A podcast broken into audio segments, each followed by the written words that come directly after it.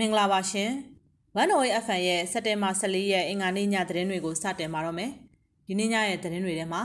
ပြူစောထီးပိုင်ဖောက်ခွဲရေးပစ္စည်းတွေနဲ့တနက်ကြီးတွေကိုရောကာကွယ်ရေးတက်ကတင်စီရမိတဲ့သတင်း။မကွေးမြို့မှာကျန်းခိုင်ရေးပါတီရုံးရှိဘုံပေါက်ကွဲမှုဖြစ်ပွားပြီး9နှစ်အရွယ်ကလေးငယ်သေဆုံးတဲ့သတင်း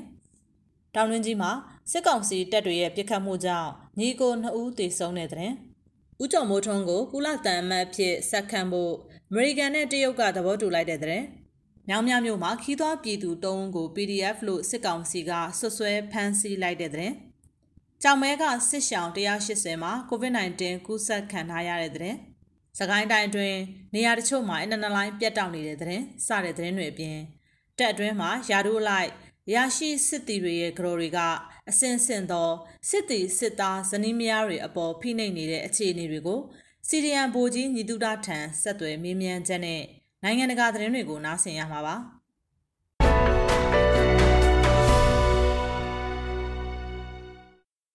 ပြူစောထီးတွေစုဆောင်းထားတဲ့ကြက်သိန်း80ကျော်တန်ဖိုးရှိဖောက်ခွဲရေးပစ္စည်းတွေနဲ့ခောက်ချိုးကြည်အတောင့်တထောင်ကျော်ကိုရောဒေတာပြည်သူ့ကာကွယ်ရေးတပ် YDF ကတင်စီလိုက်ပါတယ်။မကွေးတိုင်းဒေသကြီးမင်းရွာရဲစခန်းကိုစက်တင်ဘာ12ရက်နေ့မနက်ပိုင်းကဝင်တိုက်ပြီးအပြန် ဂံကုန်းနဲ့မင်းရွာကြားမှာခောက်ကူရွာအနီးတောတွေကပြူစောထီးတွေရဲ့ဖောက်ခွဲရေးပစ္စည်းတွေစနစ်ကြိုးတွေမိုင်းတွေခောက်ချိုးချီအတောင်ထောင်ကျော်ကိုတင်စီရမိခဲ့တာဖြစ်တယ်လို့ YDF ကသတင်းထုတ်ပြန်ပါတယ်။မနက်9နာရီဝန်းကျင်က သတင်းရတဲ့အတွက်မင်းရွာနဲ့ခံကုန်းမြို့အကြားနယ်မြေရှင်းလင်းရေးလုပ်တဲ့အချိန်ခောက်ကူရွာနီးတောထဲမှာပြူစောထီးတွေကပစ္စည်းတွေကိုတင်ထားကြတာကျွန်တော်တို့သွားသိမ်းတဲ့အချိန်မှာပြူစောထီးဖွဲ့တွေရှိမနေပါဘူးထွက်ပြေးကြတာလားပစ္စည်းတွေပဲထားခဲ့ကြတာလားတော့မသိဘူးလို့ YDF တာဝန်ရှိသူတူကပြောပါတယ်ခောက်ချိုးကြီးဟာအိန္ဒိယဘက်ကလာတဲ့အမဲလိုက်ခောက်ချိုးတနက်တွေထဲမှာတထောင်ချင်းထည့်ပြရတဲ့ကြီးတွေဖြစ်တယ်လို့ဆိုပါတယ်။ဂံကောနယ်တိုက်ပွဲတွေမှာစစ်ကောင်စီတပ်က လက်နက်တပ်ဆင်ပေးထားတဲ့ပြူစောထီအဖွဲ့ဝင်တွေဟာစစ်ကောင်စီတပ်တွေနဲ့အတူလိုက်ပါတိုက်ခိုက်နေကြတယ်လို့ပြည်သူ့ကာကွယ်ရေးတပ်ဖက်ကပြောပါတယ်။စက်တင်ဘာ12ရက်နေ့မနက်ပိုင်းကဂံကုန်းမြို့နယ်မင်းရွာရဲစခန်းကို YDF နဲ့မင်းတပ် CDF တို့ပူးပေါင်းတပ်ဖွဲ့ကဝင်ရောက်တိုက်ခိုက်ခဲ့ရမှာစစ်ကောင်စီဘက်က35ဦးသေဆုံးခဲ့တယ်လို့သိရပါတယ်။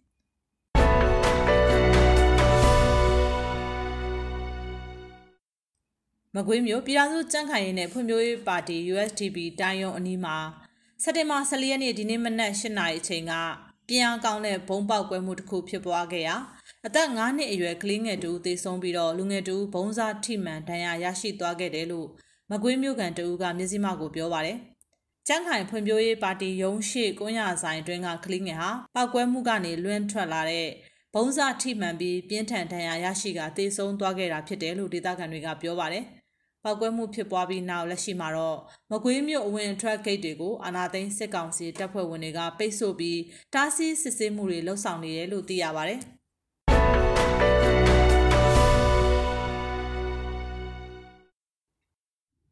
မကွေးတိုင်းတောင်တွင်းကြီးမြို့နယ်တောင်လျောင်းရွာမရွာမှာစက်တင်ဘာ12ရက်နေ့ကအာနာသိန်းစစ်ကောင်စီတပ်ဖွဲ့ဝင်တွေရဲ့ပြစ်ခတ်မှုကြောင့်ညီကို2ဦးသေဆုံးခဲ့ပြီးတော့4ဦးကိုဖမ်းဆီးသွားခဲ့တယ်လို့ဒေသခံတွေကပြောပါတယ်။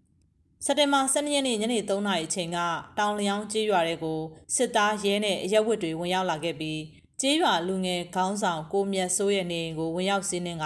အသက်40အရွယ်ကိုမြတ်စိုးနဲ့သူ့ရဲ့ညီဖြစ်သူအသက်20အရွယ်ကိုပြေကြီးတို့ကိုပြစ်ခတ်တပ်ဖြတ်ခဲ့တာဖြစ်ပါတယ်။ဒလန်ရဲ့သတင်းပေးပို့မှုကြောင့်ကိုမြတ်စိုးထံကိုစစ်ကောင်စီတပ်သားတွေရောက်လာခဲ့တာဖြစ်ပြီးပေါင်မာကြီးစံနှစ်ချက်ထိမှန်ထားတဲ့ ကိုမြတ်စိုးကိုကာကွယ်ပေးခဲ့တဲ့ကိုပြေကြီးကိုစစ်ကောင်စီတပ်တွေကပြစ်တက်ခဲ့တာလို့အမည်မဖော်လိုတဲ့ရွာသားတအုပ်ကပြောပါတယ်။ကိုမြတ်စိုးဟာအခင်းဖြစ်ပွားရာသူ့ရဲ့နေမှာအသက်ရှင်လျက်နဲ့ပဲစစ်ကောင်စီတပ်တွေရဲ့ရိုက်နှက်စစ်ဆေးမေးမြန်းမှုအပြီးမှာတည်ဆုံးခဲ့တာပါအဲဒီနောက်ဒေသခံ၄ဦးကိုဖမ်းဆီးခေါ်ဆောင်သွားခဲ့ပြီးသူတို့တွေနဲ့ပတ်သက်တဲ့သတင်းတစုံတရာမကြားရသေးဘူးလို့ဒေသခံတွေကပြောပါတယ်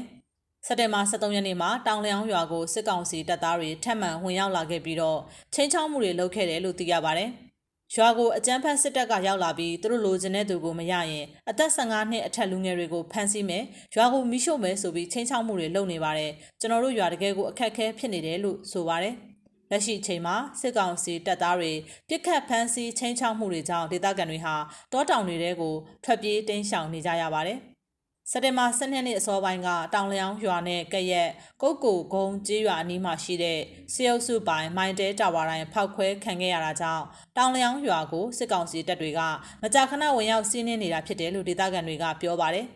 မိုင်တဲတာဝါတိုင်းပောက်ကွဲမှုဖြစ်ရတဲ့ပတ်သက်ပြီးစစ်ကောင်စီတပ်နဲ့ရဲတွေကဗေဒနိုး PDF အဖွဲ့ဝင်မဟုတ်တဲ့လူငယ်2ဦးကိုတပ်ဖြတ်ပြီး၄ဦးကိုဖမ်းဆီးသွားတဲ့အပေါ်မိသားစုနဲ့ထပ်တူဝမ်းနည်းကြေကွဲရကြောင်းသူရဲကောင်းကျယ်ပွင့်တွေအဖြစ်မှတ်တမ်းတင်ခုံပြုကြောင်းဗေဒနိုး PDF ကထုတ်ပြန်ပါတယ်။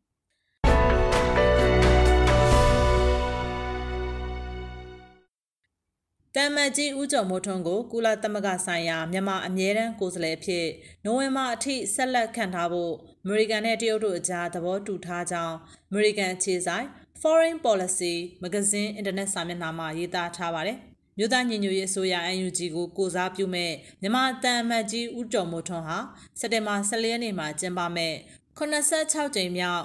ကုလအထွေထွေညီလာခံမှာဝင်ရောက်ဆွေးနွေးခွင့်ရရှိမှာမဟုတ်ကြောင်းလည်းပါရှိပါတယ်။ တခြားဘက်မှာလည်းမြမအာနာသိန်းစစ်ကောင်းဆောင်ရဲ့ကိုယ်စားလှယ်စစ်ဖက်အရာရှိဟောင်းဦးအောင်သူရင်ကိုလည်းဆွေးနွေးခွင့်မပေးဖို့အမေရိကန်နဲ့တရုတ်တို့အကြားသဘောတူထားကြောင်းတန်တမန်တွေရဲ့ပြောဆိုချက်ကိုကိုးကားပြီးမဂဇင်းကရေးသားပါတယ်။ကုလသမဂ္ဂမှာနေရာမရရှိခြင်းကဖေဖော်ဝါရီတရက်နေ့အာဏာသိမ်းပြီးနောက်နိုင်ငံတကာအသိအမှတ်ပြုမှုရရှိရေးအသေးအံကြိုးပမ်းနေတဲ့စစ်ကောင်စီအတွက်တော့ကြီးမားတဲ့ထိုးနှက်ချက်ဖြစ်ပါတယ်။ ကုလဆိုင်ရာနိုင်ငံကိုစားပြုခွင့်အရေးအချင်းစစ်ကော်မတီရဲ့စစ်စီထောက်ခံမှုရလဒ်ထွက်ပေါ်လာမယ့်အချိန်ဖြစ်တဲ့နိုဝင်ဘာလအထိနှောင့်နှေးထားမှာဖြစ်ပါတယ်။အခုသဘောတူညီချက်ကိုဥရောပသမဂ္ဂအာဆီယံအဖွဲ့ဝင်နိုင်ငံတွေနဲ့ရုရှားတို့ကလည်းအလွတ်သဘောတူထားခဲ့တယ်လို့တန်တမန်သတင်းအရင်းမြစ်တွေကပြောကြောင်း Foreign Policy မှာပါရှိပါတယ်။ဖွဲ့ဝင်၉နိုင်ငံပါတဲ့ ကုလအရေးအချင်းစစ်ကော်မတီခန့်အပ်တာဝန်ပေးမှုကိုကုလအထွေထွေညီလာခံကစက်တင်ဘာ14ရက်နေ့မှာကြေညာဖို့စီစဉ်ထားပြီးတော့ကော်မတီကမြန်မာနိုင်ငံအတွက်ဘသူကကုလဆိုင်ရာ ကိုယ်စားလှယ်အဖြစ်ကိုစားပြုနိုင်မယ်ဆိုတာကိုစီစစ်သုံးသပ်ရွေးချယ်သွားဖို့ရှိပါတယ်။ကော်မတီမှာဆွီဒင်ကဥက္ကဋ္ဌအဖြစ်ဆောင်ရွက်မှာဖြစ်ပြီးဘူတန်၊ဘဟားမာချီလီတရုတ်ရုရှားဆီးရီးယားလီယွန်တောင်အာဖရိကနဲ့အမေရိကန်တွေကကိုယ်စားလှယ်တွေအဖြစ်ပါဝင်မယ်လို့သိရပါတယ်။ တကယ်လို့အရေးအချင်းစီစစ်မှုဆိုင်ရာအငင်းပွားမှုတစ်ခုရှိလာတယ်ဆိုရင်ကုလအရေးအချင်းစစ်ကော်မတီကစီစစ်သုံးသပ်ပြီးထူထင်ညီလာခံကအတည်ပြုရမယ့်ဆုံးဖြတ်ချက်တစ်ခုမထွက်မချင်းလက်ရှိကိုယ်စားလှယ်ကသူ့ရဲ့နေရာကိုဆက်လက်ထိန်းထားနိုင်မှာဖြစ်တယ်လို့ကုလထူထင်ညီလာခံစီးမြင့်တွေအရသိရပါတယ်။ မြန်မာစစ်ကောင်စီရဲ့အဆိုပြုကြိုးပမ်းချက်တွေကိုလိုလားထောက်ခံတဲ့နိုင်ငံတစ်ခုခုကရေးချင်းစစ်ကော်မတီရဲ့နိုဝင်ဘာလမှာပြုလုပ်မဲ့ပထမဆုံးအစည်းအဝေးမတိုင်ခင်အဲ့ဒီကိစ္စကိုဆွေးနွေးဖို့ပန်ကြားနိုင်တဲ့အပေါ်အမေရိကန်နဲ့သူ့ရဲ့ဥရောပမဟာမိတ်တွေကစိုးရိမ်နေကြပါတယ်။သူတို့ဟာလက်ရှိမြန်မာတန်အမတ်ကြီးဦးကျော်မိုးထွန်းရဲ့ကုလကိုယ်စားလှယ်နေရာကိုဆက်ထိန်ထားနိုင်စေရအတွက်မြန်မာနိုင်ငံဆိုင်ရာကိုစားပြုမှုနဲ့ပတ်သက်တဲ့ဆုံးဖြတ်ချက်တစ်ခုကိုတက်နိုင်သမျှနောက်နှေးစေဖို့မျှော်လင့်ထားပါတယ်။ ဦးကျော်မိုးထွန်းဟာဂျနီဗာမှာရှိတဲ့ကုလသမဂ္ဂရုံးမှာမြန်မာနိုင်ငံရဲ့အမြဲတမ်းကိုယ်စားလှယ်အဖြစ်2020ခုနှစ်စက်တင်ဘာ9ရက်နေ့မှာခန့်ခံထားရတာပါ။အာနာသိမ့်ပြီးနောက်ပိုင်းဖေဖော်ဝါရီ26ရက်နေ့ကနယူးယောက်မြို့ကကုလသမဂ္ဂအထွေထွေညီလာခံမှာအာနာသိမ့်မှုကိုစန့်ကျင်ပြီး UNG ကိုအစိုးရအတွက်သာကိုစားပြုကြောင်းပြောဆိုခဲ့တဲ့အတွက်ဖေဖော်ဝါရီ29ရက်နေ့မှာဦးကျော်မိုးထွန်းကိုစစ်ကောင်စီကထုတ်ပယ်လိုက်ပါတယ်။သူဟာဆွစ်ဇာလန်နိုင်ငံတန်အမတ် ကမ္ဘာကုံသွယ်ရေးအဖွဲ့အမြဲတမ်းကိုယ်စားလှယ်ဓာတုလက်နက်တားမြစ်ရေးအဖွဲ့ဝင်စတဲ့တာဝန်တွေကိုထမ်းဆောင်နေတာပါ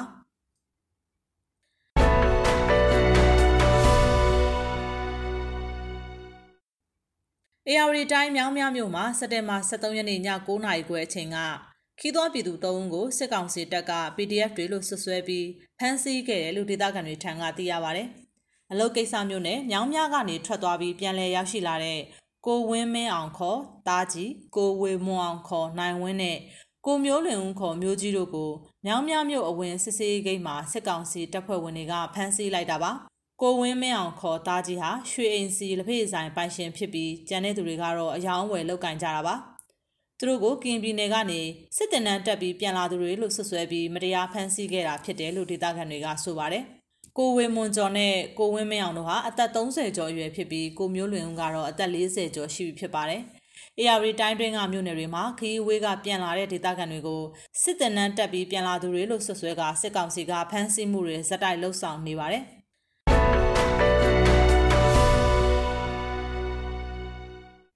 ရှမ်းပြည်နယ်မြောက်ပိုင်းကြောင်မဲမြို့နယ်စစ်ရှောင်းစခန်းတွေမှာ COVID-19 ကူးစက်ခံထားရသူ180ရှိလာတာကြောင့်စစ်ဘေးရှောင်ဥယျာဉ်ရဲ့10ရာခိုင်နှုန်းကျော်ဟာပိုးကူးစက်ခံထားရတာပါ။မန်ခါကျေးရွာအုပ်စု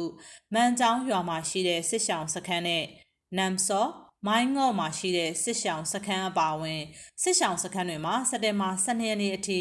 ကိုရိုနာဗိုင်းရပ်စ်ကူးစက်ခံထားရသူပေါင်း180ရှိခဲ့ပါတယ်။မန်ကျောင်းစခန်းမှာတော့146ဦးနဲ့အများဆုံးဖြစ်နေတာပါ။ ဒေသတွင်ရှမ်းပြည်ပြည်လဲထူထောင်ရေးကောင်စီ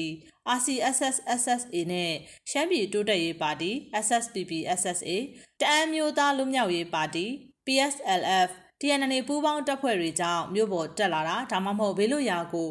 ထွက်ပြေးခိုလုံနေရသူဟာ1500ကျော်ရှိနေပါတယ်။စက်တင်ဘာ6ရက်နေ့ကစတင်ပြီးစစ်ရှောင်းစခန်းတွေမှာယောဂပိုးစစ်ဆေးပေးနေပြီးတော့လက်ရှိကူးစက်ခံထားရသူတွေဟာကိုဝင်ဆောင်တဲ့နဲ့ကလေးငယ်တွေအများဆုံးပါဝင်နေပါတယ်။ စခန်းတွေမှာ COVID-19 ထိန်းချုပ်ရေးအတွက်ကန့်သတ်မှုတွေလှုပ်ဆောင်ထားပြီးဖြစ်တယ်လို့စခန်းတာဝန်ရှိသူတွေကပြောပါတယ်။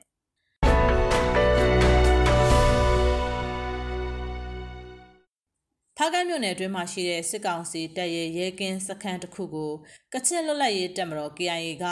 မိရှို့ဖျက်ဆီးလိုက်တယ်လို့ဒေသခံတွေရဲ့ပြောကြားချက်အရသိရပါတယ်။ အင်တာနက်ဖြတ်တောက်ထားတဲ့ဖားကန်းမြို့နယ်အတွင်းစပေါ့ကြီးရွာအနီးမှာရှိတဲ့ရဲကင်းစခန်းကိုစက်တင်ဘာ23ရက်နေ့ည8:45မိနစ်ချိန်ကမိရှို့ခဲ့ရမှာရဲကင်းစခန်းနဲ့အတူကိုရောင်ဟောင်းတစ်ခုပါမိလောင်သွားခဲ့ပါတယ်။မိရှို့ခံရချိန်မှာအဆိုပါရဲကင်းစခန်းမှာရဲတွေမရှိနေပဲလုံခြုံရေးစိုးရိမ်တာကြောင့်ဖားကတ်မြို့ထဲမှာရှိတဲ့ရဲစခန်းမှာတွားရောက်ပူးပေါင်းနေချိန်ဖြစ်ပါတယ်။ဆိုပါရဲကင်းစခန်းဟာစိတ်မူကြီးရွာအုပ်စုဝင်ရွှေပြောင်းလုပ်သားတွေစုပေါင်းနေထိုင်ရာ ဝန်နန်ရွာမိုးကရွာကကြောက်စိမ်းလုတ်ကွက်တွေကိုစောင့်ကြည့်တဲ့စခန်းတစ်ခုဖြစ်ပါတယ်။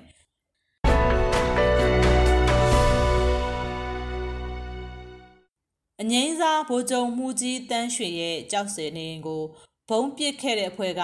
မြို့ရဲ့အရှိတ်ဘက်မှာရှိတဲ့မိုင်တဲတာဝါတိုင်းတစ်ခုကိုစက်တင်ဘာ23ရက်နေ့မနေ့ညကဖျက်ဆီးလိုက်နိုင်တယ်လို့သတင်းထုတ်ပြန်ပါတယ်။မန္တလေးတိုင်းဒေသကြီးကြောက်စင်မြို့အရှိတ်ဘက် ကလားချောင်းရွာအနောက်ဘက်မှာရှိတဲ့မိုင်တဲတာဝါတိုင်းကိုမနေ့ည12နာရီဝန်းကျင်ကဖျက်ဆီးခဲ့တာဖြစ်တယ်လို့ Dragon ကြောက်စဲ Defense Force DKDF ကပြောပါတယ်။ဆိုပါဖွဲ့ဟာစက်တင်ဘာ17ရက်နေ့က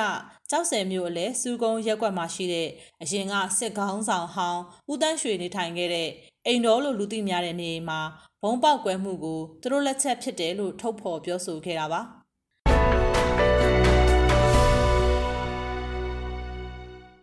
မြို့အခြေဆိုင်စစ်ကောင်စီတပ်ထဲမှာ COVID-19 ပိုးတွေ့လူနာတူသေဆုံးပြီးနောက်ချင်းပြည်နယ်မတူပီမြို့ပေါ်မှာ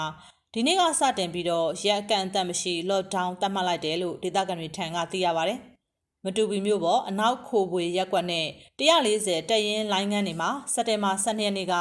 ကိုရိုနာဗိုင်းရပ်စ်ကူးစက်ခံထားရသူ2ဦးတွေ့ရှိခဲ့ပြီး တဦးသေဆုံးသွားခဲ့ပြီးနောက်စားတောက်ဆိုင်နဲ့ဆေးဆိုင်တွေကလွယ်ပြီးဆိုင်တွေကိုပိတ်ထားဖို့ဆိုတဲ့ညွှန်ကြားချက်ပါဝင်တဲ့ lockdown အစီအစဉ်ကိုမြို့တွင်းမှာလိုက်လံကြီးညာခဲ့တာပါ။အဓိကကတော့140တက်ရင်ထဲမှာတက်သားနဲ့သူ့မိန်းမစီပို့တွေ့တယ်မိန်းမကတော့ COVID-19 နဲ့မနေ့ကပဲတည်သွားတယ်အဲ့ဒါကြောင့် lockdown ချလိုက်တာဖြစ်နိုင်ပါတယ်လို့ဒေသခံတဦးကပြောပါတယ်ခုခါမှာစစ်ကောင်စီတပ်ထဲမှာတက်အစီအစဉ်နဲ့ COVID-19 ပိုးရှိမရှိစစ်ဆေးနေပါတယ်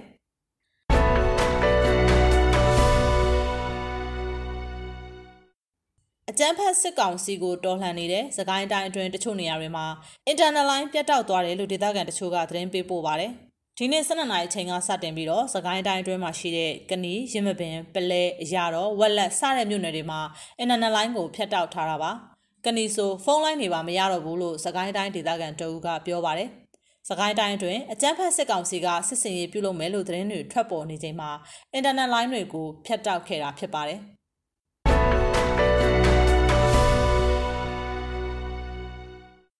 တက်တွင်းမှာစစ်သားဇနီးမယားတွေဟာလင်ယောက်ျားတွေရဲ့ယာတို့အလိုက်အဆင့်ဆင့်အာဏာရှိကြပြီးကတော်တွေကိုစစ်တီဇနီးမယားတွေဟာအိမ်မော်တပွဲခရရတာမျိုးရှိနေပါတယ်။ဒါဟာတက်တွင်းမှာပေးရထားတဲ့အာဏာတွေလုတ်ပိုင်ခွင့်တွေအရာဖိနှိပ်မှုတွေရှိလာတာဖြစ်တယ်လို့စီဒီယန်ဗိုလ်ကြီးညီတုတာကဆိုပါတယ်။ဆက်သွယ်မေးမြန်းထားတာကိုနားဆင်ပါရှင်။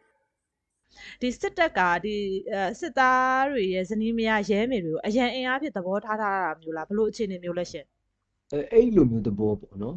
ဟိုသူတို့ရဲ့ဖွဲ့စည်းပုံထဲမှာထည့်ထားတဲ့သဘောပေါ့ဆိုတော့ဥမာဒီစစ်တီရဲ့မိမပေါ့စစ်တီဇနီးတွေမယားတွေကတ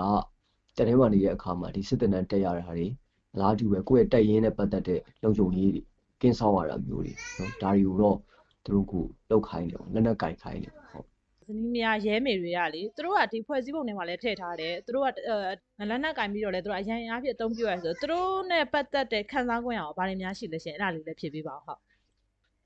သူတို့ကလာစာမရဘူးဗျနော်လာစာလည်းမရသလိုကိုခန်းစားခွင့်လည်း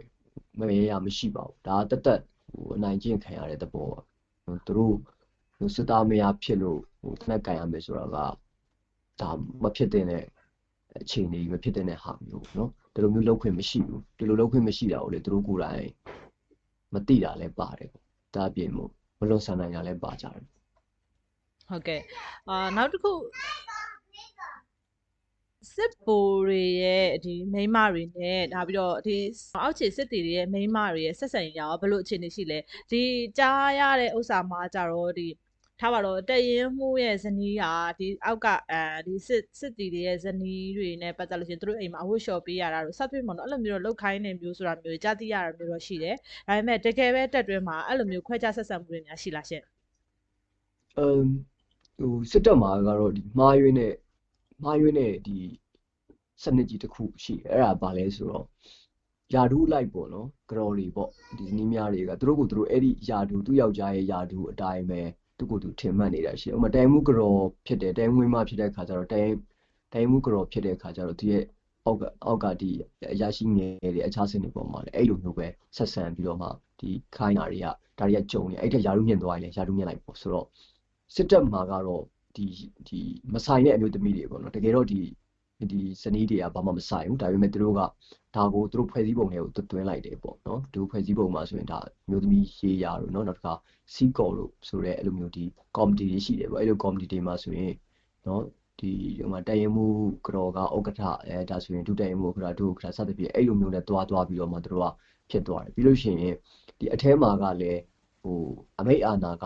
ပြင်းတာပေါ့နော်ဟို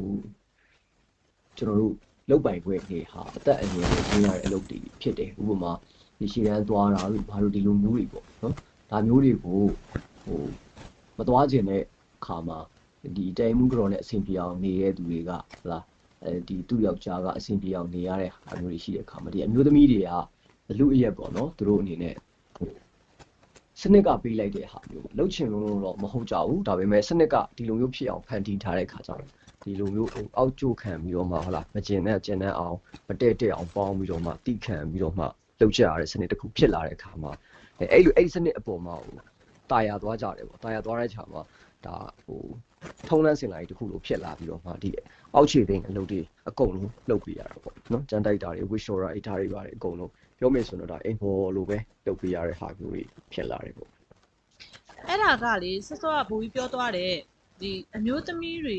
ကိုအာတက်ရဲ့ဖွဲ့စည်းပုံထဲမှာထည့်သွင်းလိုက်တယ်အမျိုးသမီးတွေဟာလည်းစောစောကပြောသလိုမျိုးပေါ့လက်နက်ကင်ပြီးတော့သူတို့ကအရန်အင်အားဖြစ်နေတတ်မှတ်ခံရတဲ့အခါမှာအဲ့အဲ့ဒီဥစ္စာရဲ့အဲတက်ရောက်မှုကြောင့်မို့လို့ဒီလိုမျိုးဒီတက်တွင်းဖိနှိပ်မှုတွေကဒီလိုမျိုးဖြစ်လာတယ်လို့ညာဘူကြီးပြောချင်တာလေလားအဲ့ပေါ့ဟိုအဓိကတော့အရန်အင်အားတွတ်သွင်းနေဆိုတဲ့ဟာကလည်းစရင်ပေါ်မှာတော့ ဟိုဟာဖြစ်တာတော့မဟုတ်ဘူးပေါ့ဗျာနော်စရင်ပေါ်မှာတော့ဒါငါတို့တက်ရဲ့အင်အားဆိုတာမျိုးတွေဒီလိုမျိုးတွေတော့မလုပ်ပါဘူးသူတို့ကလိုဝင်သုံးထားတယ်ပေါ့ဗျာနော်ဘာလို့ဆိုတော့သူတို့ကလစာမှမပေးတာဘူးမပေးတဲ့အခါကျတော့ဒါပေမဲ့ဖွဲ့စည်းပုံအနေနဲ့ကခုနအတိုင်းပဲသွားတယ်ဘာလို့ဆိုတော့တက်ရင်တက်ရင်တက်ခွဲသူကဒီတက်ခွဲဆိုလဲဒီစစ်သားတွေရဲ့ဖွဲ့စည်းပုံတိုင်းပဲသွားတာပေါ့ဟိုကဒီဒီတက်ခွဲတက်ခွဲမှာစစ်သားတွေရှိတယ်ဆိုသူ့အမျိုးသမီးကြီးကလည်းအဲ့ခွဲအောက်ကိုဝင်တော့ဆိုတော့အဲ့လိုမျိုးဟိုအမျိုးသမီးတွေကအစားဒါပဲခွဲရလဲနော်ဒီလိုမျိုးပဲတက်ရင်ကအမျိုးသမီးလဲဒီလိုမျိုးပဲတုံးကြတာဆိုတော့ ပြောမယ်ဆိုရင်တော့ဒီယောက်ျားတွေရဲ့ဖွဲ့စည်းပုံအတိုင်းပဲသူ့အမျိုးသမီးတွေပါသွားတယ်ဒီအဲ့လိုမျိုးဖွဲ့စည်းပုံအရာရောနောက်တစ်ခုကအဓိကတော့ဟိုစစ်တပ်ထဲမှာကအဲခုနပြောလို့အာနာပေါ့လीနော်အာနာကြောင့်မလို့ဒီလူတွေကဟိုအာနာရဲ့အပေါ်မှာသူတို့ရဲ့လောက်ကင်ခွင့်ကပေါ့နော်ဒီဘယ်နေရာကိုပို့မယ်တို့ဘယ်နေရာကိုထားမယ်တို့ဆိုတဲ့ဟာဒီတက်မှုတွေတို့ဟလာအဲ့ထက်ပိုမြင်လာတဲ့လူတွေရဲ့အပေါ်မှာဆုံးဖြတ်ချက်ရှိတာနောက်တစ်ခုကအဲ့လိုပဲတချို့သောပြစ်မှုတွေဖြစ်လာတဲ့အခါမျိုးမှာဖြစ်ဖြစ် ခွင့်လွတ်လို့ခွင့်လွတ်တယ်လို့ခွင့်မလွတ်တော့ဘူးဆိုတာသူတို့ရဲ့ဒီလူရဲ့သဘောပေါ်မှာမူတည်အောင်နော်ဒီအကြီးပေါ်မှာမူတည်တဲ့အခါကျတော့ဒါတွေကိုကိုတခုခုဖြစ်ပြီဆိုရင်ဟိုအမှားစစ်တပ်မှာအမှားအများတယ်ပေါ့နော်ဘာလို့လဲဆိုတော့ကိုယ်စီကနေပြီးတော့ရဲဘော်ပျောက်သွားလဲဟိုရဲဘော်ပျောက်သွားလဲဒါဟိုသူတို့ကဒီတမှုမှာပဲတာဝန်ရှိတယ်လို့ပြောတာလေနော်တမှုမှာပဲတာဝန်ရှိတယ်လို့ပြောတယ်အဲကိုဟိုဟာစီကလူကဟလာဟိုတက်သေးသွားလဲတပ်မှုကပဲတာဝန်ရှိတယ်အခုကျွန်တော်တို့လူ CDM လောက်သွားလဲတုံးထွက်တော့စသဖြင့်အဲ သူတို့ကအပြစ်ကပြောမယ်ဆိုတော့ဒီအပြစ်တွေကအများကြီးပဲနော်အပြစ်တွေကလူတွေလူပေါင်းများစွာနဲ့လောက်တဲ့ခါမှာအဲ့ဒီဟာတွေအကုန်လုံးကိုသူတို့ကမနိုင်ဘူးငကိုတွေကလည်းစစ်တပ်မှာကဟိုအထဲမှာလည်းမွန်းကျက်မှုတွေပါတွေဖြစ်တဲ့ခါကျတော့ပြဿနာရှာတဲ့သူတွေကလည်းအများများတယ်အရက်တောက်တဲ့လူကတောက်ရန်ဖြစ်တဲ့လူကပြေးထွက်ပြေးတဲ့လူကထွက်ပြေးအမိန့်နာမခံတာတွေလည်းရှိဒီလိုမျိုးတွေနဲ့လုံးချပတ်ချလိုက်နေတဲ့အခါမှာဒါတွေအကုန်လုံးကိုပြေလည်ဖို့အတွက်ဖုံးနာဖိတားနိုင်ဖို့ဟလာ ဖြစ်လာလို့ပြဿနာဖြစ်လာရင်လည်းပြေလည်ဖို့အတွက်ဆိုတော့အထက်လူကြီးအဆင့်ဆင့်အဆင်ပြေမှလို့အဲ့ဒီကြောင့်မလို့ဒီအထက်လူကြီးနဲ့အဆင်ပြေဖို့ဆိုတာလည်းသူတို့ grow တွေကကဟိုကူပြောပေးမှအဆင်ပြေတဲ့အနေအထားတွေဖြစ်တဲ့ခါ grow grow ချင်းတွေကတက်အောင်ပေါင်းရတဲ့ဟာမျိုးဖြစ်တယ်အဲ့ဒါကြောင့်မလို့ဒါအားလုံးကအဲ့လိုပဲဒီအောက်ကျိုးခံပြီးတော့မှဟလာအလူရက်သူတို့မျက်နှာရအောင်လုပ်နေကြတာပေါ့ ဟုတ်ကဲ့နောက်တစ်ခုသိချင်တာကလေအဲ့ဒါကဒီဇက်ကားတွေထဲမှာလည်းပါဝင်တယ်ပေါ့နော်စစ်တပ်နဲ့ဆိုင်တဲ့ဇက်လန်းတွေဘာညာမှာလည်းပါဝင်တယ်အဲ့ဒါကအိမ်အောင်တဲ့စစ်တီတွေစစ်သားတွေပေါ့နော်စသဖြင့်ရှေ့တန်းမှာကြာသွားခဲ့တယ်ဆိုလို့ရှိရင်နောက်မှာကြံခဲ့တဲ့သူတို့ရဲ့မိသားစုဝင်တွေကိုလူပြိုစစ်တီတွေကတာဝန်ယူရတယ်ဆိုတာမျိုးပေါ့နော်အဲ့အဲ့ဒီဥစ္စာကရောလက်ရှိမှာကျင့်သုံးနေတော့ပဲလားဘယ်လိုပုံစံမျိုးဆက်လက်သွားနေလဲဆိုတာလေးလည်းသိချင်ပါတယ်ဟုတ်။အော်အဲ့ဒီကောင်ကတော့ဒါမရှိတာကြာပါပြီဗျ။ကြာပါပြီနော်။ဒါဟိုဟာတုန်းကကျွန်တော်တို့ ဒီလွန်ခဲ့တဲ့နှစ်ပေါင်း20ကျော်ပေါ့20ကျော်လောက်မှာတချို့ဒီဒေတာတစ်ခုဒေတာအချို့မှာပေါ့နော်ဒီအကြဆုံးတွေရမ်းများခဲ့တဲ့ခါကျတော့ဟိုဒီအမျိုးသမီးတွေကရှာဆုံးလာတာတွေများလာတယ်အဲ့လိုများလာတဲ့အခါမှာသူတို့အနေနဲ့ဒီအကူအညီတောင်းတယ်ပေါ့နော်ဒီစစ်တီအမျိုးသမီးတွေကသူတို့ဟိုရှေ့ဒီယောက်ျားတွေမရှိကြတော့အပြင်မှာလည်းလောက်ကင်မစားတော့တော့အဲ့တော့ကျမတို့ကူညီပေးပါလို့ပြောတဲ့ခါကျတော့သူတပ်မှုတွေကနေပြီးတော့မှ ဒီအချင်းချင်းကအချင်းချင်းပြန်ပြီးတော့မှဟလာပြန်ဆောက်ရှောက်တယ်ပေါ့သူတို့ခေါ်တော့ပြန်ဆောက်ရှောက်တယ်ပေါ့နော်အချင်းချင်းပြန်ဆောက်ရှောက်တယ်ဆိုတဲ့ဟာမျိုးကိုအာတချို့သောနေရာတွေပေါ့နော်တချို့သောတပ်ရင်းတွေတချို့တပ်ဖွဲ့တွေမှာတပ်တပ်မတော်တစ်ခုလုံးတော့မဟုတ်ပါဘူးတပ်ဒီဟာမျိုးတုံးခဲ့တာတော့ရှိတယ်ရှိတဲ့အတွက်ကြောင့်လည်းဒါအခုဟိုရှိခဲ့တဲ့အတွက်ကြောင့်လည်းတချို့တွေဆိုရင်ဒါထိပ်ပိုင်းရောက်သွားတဲ့သူတွေကအစားသူတို့သူတို့ပုံစံမျိုးနဲ့ဖြစ်တိုင်းရှိတယ်တိုးတော့အဲ့ဒါကနောက်ပိုင်းမှာပြဿနာတက်လာတယ်ပေါ့နော်ဟိုအဲ ပြဿနာပြဿနာတက်လာတယ်ဆိုတာထက်ကိုဟိုနောက်ပိုင်းမှာလူတွေကမကြိုက်ကြဘူးမကြိုက်ကြတော့တဲ့ခါကျတော့အဲ့ဒါမလုပ်တာတော်တော်ကြာပြီကျွန်တော်တို့အခုစစ်တပ်တဲ့ဝင်လာဆိုရင်15နှစ်ပေါ့နော်15နှစ်ဆိုလို့ရှိရင်အဲ့15နှစ်မှာတုံးခဲ့တာလုံးဝမရှိဘူးမရှိဘူးဆိုတာကဟိုဒီအဲ့လိုလဲလုပ်လို့လည်းမရဘူးပေါ့နော်အကုန်လုံးကအဲသူကသူသူနှစ်ဦးသဘောတူကြိုက်လို့ပြန်ယူကြတာတော့ရှိကောင်းရှိနိုင်တာပေါ့ဒါပေမဲ့ဘဲဖောက်ပေးတာတို့ခုနပြောလို့ပဲအတင်းဒီလူကဒီလူကိုပြန်ယူရမယ်တို့နောက်တစ်ခါမဖြစ်မနေပြန်ကျူညရမယ်တို့မရှိတော့ဘူးအာ နောက်တစ်ခုကဒီစစ်သမီးတွေပေါ့နော်စစ်သမီးတွေကဘယ်အဆင့်ရာထူးထိအဲသူတို့တွေကိုပေးတာမျိုးရှိတယ်ရှင်အဲသူတို့ရဲ့အမြင့်ဆုံးရာထူးကဘယ်အဆင့်ထိရနိုင်တာ။အော်အဲ့ဒါကတော့ဟိုသူတို့မှသူတို့မှမဟုတ်ဘူးဒါစစ်တပ်ရဲ့ဒီဒီဒီနိုင်ငံရဲ့ဟိုပါပေါ့နော်အမျိုးသမီးတွေပေါ်မှာထားတဲ့သဘောထားနဲ့လည်းဆိုင်ပါပေါ့။ဟိုဒီနိုင်ဒီနိုင်ငံမှာဟိုအမျိုးသမီးတွေနဲ့ပတ်သက်တဲ့အမြင်ကတသက်ရှိနေတဲ့ခါကျတော့သူတို့ကဒါကိုပေးနိုင်မှာမဟုတ်ဘူး။ဒါပေမဲ့ကျွန်တော်တို့သိသလောက်တော့ကျွန်တော်လွဲရင်လည်းလွဲမယ်ထင်တယ်။ အမ်ဒုမူကြီးအထက်ကရှိလားမရှိလားကျွန်တော်သေချာမသိဘူးပေါ့နော်။ဒုမူကြီးလောက်ကတော့ကျွန်တော်တို့အာရှိတယ်။ဥပမာဟိုဟာမျိုးတွေပေါ့ကျွန်တော်တို့အာစစ်စစ်ဟိုပါပေါ့ဒီဒီဆေးဘက်ကလေဆေးဘက်တွေမှာတော့ရှိတယ်ဗျဒါဆိုစစ်ဟုတ်ဖတယ်က်ဆိုင်ရာသူတွေဒီမှာအောက်မှာပေါင်ပေါက်ခမရှိတာပေါ့အဲစစ်ဘက်ဆိုင်ရာကတော့မရှိသေးဘူးမရှိသေးဘူးဆိုတော့စစ်ဘက်ဆိုင်ရာမှာတုံးတာလဲအဲကျွန်တော်သိတာနှစ်နှစ်သုံးနှစ်လောက်ပဲရှိသေးတယ်လေစစ်ဘက်ဆိုင်ရာမှာတော့မှဒါတော့မှသူတို့ကဟိုဟာရုံးလုပ်ငန်းတွေမှာပဲတုံးနေသေးတာခုကရှေ့တန်းစစ်မြေပြင်မှာထည့်တာမရှိသေးဘူးဗျ တက်တွင်းမှာဒီစစ်သမီးတွေကိုပေါ့နော်စစ်သားတွေနဲ့ဒန်းတူဆက်ဆံတာမျိုးများရှိလားရှင်အဲဆက်ဆံမှုကတော့ဒန်းတူပါပဲအရင်တော့ဟိုခွဲခြားရလည်းမရှိဘူးအဲသူတို့ကတော့ဟိုပို့ပြီးတော့မှဟိုအလေးပေးခံရတဲ့ဟာတွေရှိတယ်ပေါ့အလေးပေးရဆိုတော့လုပ်ငန်းခွင်ထဲမှာဒီအမျိုးသမီးတွေဖြစ်တာကြောင့်အမျိုးသမီးတွေဖြစ်တာရဲ့အနောက်အမျိုးသမီးတွေကပါဝင်လာတဲ့ဟာကနည်းသေးတဲ့အခါကျတော့သူတို့က ဒီတက်တာတဲ့လုပ်ငန်းခွင်တွေပေါ့ရုံရုံရုံပိုင်းဆိုင်ရာလုပ်ငန်းခွင်လိုမျိုးဒီလိုနေရာမျိုးတွေမှာပဲအခုကအဓိကထားပြီးတော့မှသုံးနေတာမျိုးရှိပါတယ်အာအဲ့တော့ဒီအမျိုးသမီးစစ်တီတွေအမိန်ပေးတာကိုရောဥမာဟိုဒီအောက်ကပေါ့နော်စစ်စစ်သားတွေပေါ့စစ်တီတွေကရောလိုက်နာမှုရှိလားအဲ့ဒီအခြေအနေကရောဘယ်လိုမျိုးများရှိလဲရှင်လောလောဆယ်တော့ဟိုစစ်ဒီစစ်စစ်သမီးတွေပေါ့နော်စစ်သမီးပြောမလားနော်ဒီဒီစစ်သမီးပဲပြောမှာပေါ့သူတို့ကတော့ ဒီသူတို့ကြတော့ဟိုလောလောဆယ်မှာရုံးဌာနတွေမှာပဲလောလောဆယ်တုံးထားတာဗျရုံးဌာနတွေမှာတုံးတဲ့အခါကျတော့အဲ့ဒီအပေါ်မှာတော့နည်းနည်းတော့ဒီအဲထုံးစံတိုင်းပေါ့ဒါအပေါ်အောက်ပြဿနာတော့ရှိကောင်းရှိလိမ့်မယ်များသောအားဖြင့်ကတော့လောလောဆယ်မှာရုံးလုပ်ငန်းဖြစ်တဲ့အတွက်ကြောင့်မို့သူတို့အဆင်ပြေနေသေးလို့တော့ကျွန်တော်တို့သိရဗျဟိုလိုမျိုးဒီအာရှေ့တန်းစစ်မြေပြင်သူဒီမျိုးမှာကျတော့ဟိုယောက်ျားလေးတွေတောင်မှတော်တော်ဥဆောင်မှုခတ်တာပေါ့နော်ဥဆောင်မှုခတ်တော့ယောက်ျားလေးတွေလည်းပြဿနာဖြစ်တာပါပဲအရာရှိနေဒီဟိုဟာနဲ့ဆိုတာအများနဲ့ ဒီဒီဥဆောင်မှုပြဿနာကတော့အများနဲ့ပြဿနာရှိနေတဲ့ခါကျတော့ဟိုသူတို့အခုလောလောဆယ်ရှေ့ရနေပါပြီပါသူတို့ကတာဝန်မပေးတော့အဲ့ဒါတော့မသိဘူးကြာလောလောဆယ်ရုံးလုပ်ငန်းတွေမှာတော့ပုံမှန်ပဲဖြစ်တဲ့အတွက်ကြောင့်မလို့တော့ဟိုပုံမှန်လေပတ်နေတယ်လို့ပြောလို့ရပါဘူးအာဒါကတော့နောက်ဆုံးသိချင်တာပေါ့နော်အဲ့ဒါကတော့အခုအဲ UNG ကဒီလေးလိုမျိုးပေါ့နော်တော်လန်တိုက်ခိုက်ကြဖို့ဆိုပြီးတော့ဒီ9ရက်နေ့ကစပြီးကြေညာလိုက်တယ်ပေါ့အဲ့တော့တက်တွင်းချင်နေမှာရောဘယ်လိုမျိုးတွေရှိနေရလို့များကြားသိရများရှိမလဲဟုတ်အဲ့ဒီအပေါ်ကတော့ဟိုဟာလေ တက်တွေတော်တော်များတော့ဒီတက်တဲ့နေပြင်ထားတယ်ဆိုတော့ကျွန်တော်တို့သိရတယ်ပေါ့နော်တက်တဲ့နေတော်တော်လေးပြင်ထားတယ်ဟိုအကုန်လုံးကဒီညာဘက်ဆိုလဲကင်းနေစောင့်ကြပေါ့နော်အဲ့လိုမျိုးနဲ့နောက်သူတို့ရဲ့တက်ဆိုင်ရတက်ဆိုင်ရမျိုးနယ်လိုက်တက်ဆိုင်ရတက်တိုင်းတက်ဖွဲ့တွေလိုက်လုံခြုံရေးစီမံချက်တွေတင်ခိုင်းတယ်အဲ့လိုမျိုးတွေလောက်တာရှိတယ်နောက်အဲ့လိုဟိုသူတို့ရဲ့တပ်ပတ်လေကိုပြင်တာမျိုးပေါ့ဥပမာဟိုရှစ်ထွက်မိုင်းတွေထောင်ထားတာမျိုးတွေနောက်တစ်ခါဒီအမျိုးသမီးတွေကိုကင်းဆောက်တာမျိုးအဲ့လိုမျိုးပေါ့သူတို့ဘက်ကတော့ဟိုစစ်တပ်ဆိုတော့ ရန်သူရဲ့တတိပေးချက်ရပြီဆိုရင်သူတို့ကတော့ပြင်ဆင်မှုတွေကိုပို့ပို့ပြီးတော့တိုးလုပ်တယ်ပေါ့နော်ဆိုတော့အဲ့ဒါကြီးပဲကျွန်တော်တို့ကြားရတယ်ကြအော်နောက်ပြီးတော့ဟို online ပေါ်မှာတွေ့နေရတာလေဒီရင်နှင်းရင်နှင်းရဲတွေပေါ့နော်ရင်နှင်းရဲတွေနဲ့ရဲတွေကိုဒီစစ်ဖက်ဆိုင်ရာတွေကိုထည့်သွင်းဖို့အတွက်ကိုအဲတာဝန်ပေးရခြင်းခံထားရတယ်ဆိုတာမျိုးတွေကအဲ့ဒါတော့တကယ်ပဲလားဟောအဲ့ဒါကတော့ဖြစ်နိုင်ခြေရှိပါတယ်နော်ကျွန်တော်ကျွန်တော်တော့အဲ့ဒီနေအမဟုတ်တော့ကျွန်တော်မသိဒါဖြစ်နိုင်ခြေရှိတယ်ဘာကြောင့်လဲဆိုတော့ရဲတွေတော်တော်များလည်းမရှိဘူးနောက်တစ်ခုကကျတော့ အရင်တည်းကသူတို့ကဒီရင်နှင်းရဲနဲ့ကျွန်တော်နေခဲ့တဲ့မြို့တွေရှိတယ်ဗျကျွန်တော်နေခဲ့မှာဆိုအဲရေတင်းရဲလို့ဘယ်လိုခေါ်မလဲနေတင်းရဲခေါ်မလားနော်အဲ့ဒါတွေကအတူတူနီးပါးဖြစ်နေတာမျိုးရှိတယ်တချို့ဒေတာတွေမှာလေငကိုတွေကဖြစ်ပြီးသားတယ်ဥမာဆိုရင်ဥမာလုံချိုကြီးလုံချိုကြီးစခန်းတွေပေါ့နော်လုံချိုကြီးစခန်းတွေပုံမှန်ဖြစ်တော့သူတို့ကဟိုနေတင်းရဲဆိုတာကလုံချိုကြီးဖြစ်တဲ့ခါကျလုံချိုကြီးတဲ့ဆိုင်တွေဒီကြအဓိကထားပြီးလုပ်တယ်ဒါပေမဲ့လူရင်ကမလောက်မလောက်ဘူးပေါ့နော်မလောက်တဲ့ခါကျတော့ဒီဥမာ အဲမျိုးခိတ်တွေဆောက်တဲ့အခါမှာလည်းဒီရင်နှင်းရဲတွေကပါတယ်လုံချိုကြီးဆောက်တဲ့နေရာမှာပါတယ်ဆိုတော့အဲ့လိုမျိုးသုံးနေတာတော့ငကိုတွေကတော့ရှိတယ်ဒါပေမဲ့အခုကတော့သူတို့ကလူတော်တော်လေးမလုံလောက်လို့ကျွန်တော်ထင်တယ်လုံမလုံလောက်တဲ့ခါကျတော့နေတင်းနေတင်းဟောပေါ့ရင်နှင်းရဲကြတော့သူကပုံမှန်အဖြစ်သူ့တောင်းဝင်ကဒီအချင်းချင်းနဲ့ပတ်သက်တာလောက်ပဲဆိုတော့လေသူအများကြီးခိုင်းလို့မရဘူးဟိုခေါင်းစဉ်အောက်မှာအဲ့ခေါင်းစဉ်အောက်မှာသူတို့ခိုင်းလို့မရဘူး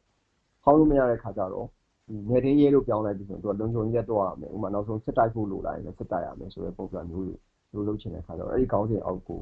ဟိုကအတွင်းခံရရတယ်ပေါ့နော်အဲ့ဒီတောင်းဝင်ပေးခံရတယ်ဟုတ်ကဲ့ပါအခုလိုဖြစ်ကြပေးတာကျေးဇူးတင်ပါတယ်ရှင်အော်ကျေးဇူးပါခင်ဗျာဟုတ်ကဲ့ဟုတ်ကဲ့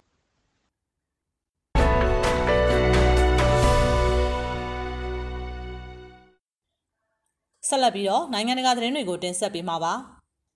မြောက်ကိုရီးယားရဲ့ဒုံးကျည်ပစ်လွှတ်မှုအပြီးမှာထိမ့်ထိမ့်သိမ့်သိမ့်လှုပ်ဖို့တရုတ်ကတောင်းဆိုလိုက်တဲ့အကြောင်းကိုပြောပြမှာပါ။ပြီးခဲ့တဲ့သတင်းပတ်ကုံပိုင်းကမြောက်ကိုရီးယားရဲ့တာဝဲပစ်ခရုစ်ဒုံးကျည်စမ်းသပ်မှုအသစ်တစ်ခုပြုလုပ်ပြီးတဲ့နောက်မှာသက်ဆိုင်ရာနှစ်ဖက်နိုင်ငံတွေအနေနဲ့ထိန်းထိန်းသိမ်းသိမ်းလှုပ်ဆောင်ဖို့နဲ့တွဲဆုံဆွေးနွေးရေးနဲ့ထိတွေ့ဆက်ဆံရေးဘက်ကိုအာသွန်လှုပ်ဆောင်ဖို့တရုတ်နိုင်ငံသားရေးဝန်ကြီးကတောင်းဆိုလိုက်ပါတယ်။မြောက်ကိုရီးယားဟာပြီးခဲ့တဲ့သတင်းပတ်ကုံပိုင်းက တာဝဲပစ်ခရုစ်ဒုံးကျည်စမ်းသပ်ပစ်လွှတ်မှုတစ်ခုကိုပြုလုပ်ခဲ့ကြောင်းနိုင်ငံပိုင်သတင်းမီဒီယာကနေစက်တင်ဘာလ23ရက်တနင်္လာနေ့ကကြေညာလိုက်ပါတယ်။တစ်ချိန်တည်းမှာပဲနျူကလ িয়ার လက်နက်ပိုင်ဆိုင်တဲ့မြောက်ကိုရီးယားဟာအိန္ဒိယနိုင်ငံတွေနဲ့ဒေသတွင်းကိုချင်းချောက်နေတယ်လို့အမေရိကန်ကပြောဆိုလိုက်ပါတယ်။ရိုတောင်စင်မြွန်းသတင်းစာမှာပါတဲ့ဓာတ်ပုံတွေမှာ ပြောင်းကားခုပါတဲ့ဒုံးပစ်ရင်ကနေဒုံးကျည်တစ်ခုကိုအလျားလိုက်ပစ်လွှတ်လိုက်တဲ့ပုံတွေကိုတွေ့မြင်ရပါတယ်။ကာကွယ်ရေးစနစ်တွေကိုရှောင်ရှားပြီးအမေရိကန်ရဲ့မဟာမိတ်တွေဖြစ်တဲ့တောင်ကိုရီးယားနဲ့ဂျပန်ကျွန်းတွေစီကိုပစ်ခတ်နိုင်မဲ့ဒီလက်နက်ဟာမြောက်ကိုရီးယားရဲ့လက်နက်နည်းပညာကဏ္ဍမှာသိသာတဲ့တိုးတက်မှုပြရုပ်တစ်ခုဖြစ်တယ်လို့ကျွမ်းကျင်သူတွေကဆိုပါတယ်။စံတက်မှုတွေကိုစနေတနင်္ဂနွေနှစ်ရက်လုံးပြုလုပ်ခဲ့တာဖြစ်တယ်လို့ကိုရီးယားဗဟိုသတင်းအေဂျင်စီ KCNA ကဆိုပါတယ်။ ဒုံးကျည်တွေဟာမြောက်ကိုရီးယားနဲ့၎င်းရဲ့ရေပိုင်နက်ကိုဖျက်ဆီးပြီးကီလိုမီတာ1500အကွာအဝေးကပြစ်မှတ်တွေရှိရာကိုလမ်းကြောင်းပုံသဏ္ဍာန်10မျိုးနဲ့နှစ်နာရီကြာပြန်တန်းထိမှန်ခဲ့တယ်လို့ KCNA သတင်းဌာနကဖော်ပြခဲ့ပါတယ်။တရုတ်အနေနဲ့ကိုရီးယားကျွန်းဆွယ်ရဲ့ငြိမ်းချမ်းရေးနဲ့တည်ငြိမ်ရေးကိုအမြဲတမ်းအလို့ရှိပြီးဆွေးနွေးညှိနှိုင်းခြင်းနည်းနဲ့ပြဿနာဖြေရှင်းဖို့ထောက်ခံပါကြောင်းတရုတ်နိုင်ငံရေးပြောခွင့်ရပုဂ္ဂိုလ်ဂျာလီကျန်ကဆိုပါတယ်။သက်ဆိုင်ရာနိုင်ငံတွေအနေနဲ့ တူညီတဲ့ရည်မှန်းချက်တစ်ခုကိုအတူတကွဖော်ဆောင်ပြီးထိန်းထိန်းသိမ်းသိမ်းလှုပ်ကြဖို့နဲ့တွဲဆုံဆွေးနွေးမှုတွေကိုအားသွန်လှုပ်ဆောင်ဖို့ကျွန်းဆွယ်အရေးအတွက်နှစ်ဖက်သဘောတူညီမှုရရှိအောင်နိုင်ငံရေးအရာပဲအစစ်အစစ်ညှိနှိုင်းအဖြေရှာကြဖို့တရုတ်နိုင်ငံအနေနဲ့တိုက်တွန်းပါတယ်လို့၎င်းကဆိုပါတယ်ဝန်တော်ရဲ့ fan ရဲ့ဒီနေ့ညသတင်းတွေကတော့ဒီလောက်ပါပဲ။နားဆင်ကြကြသူတွေအားလုံးကျမ်းမာကြပါစေရှင်။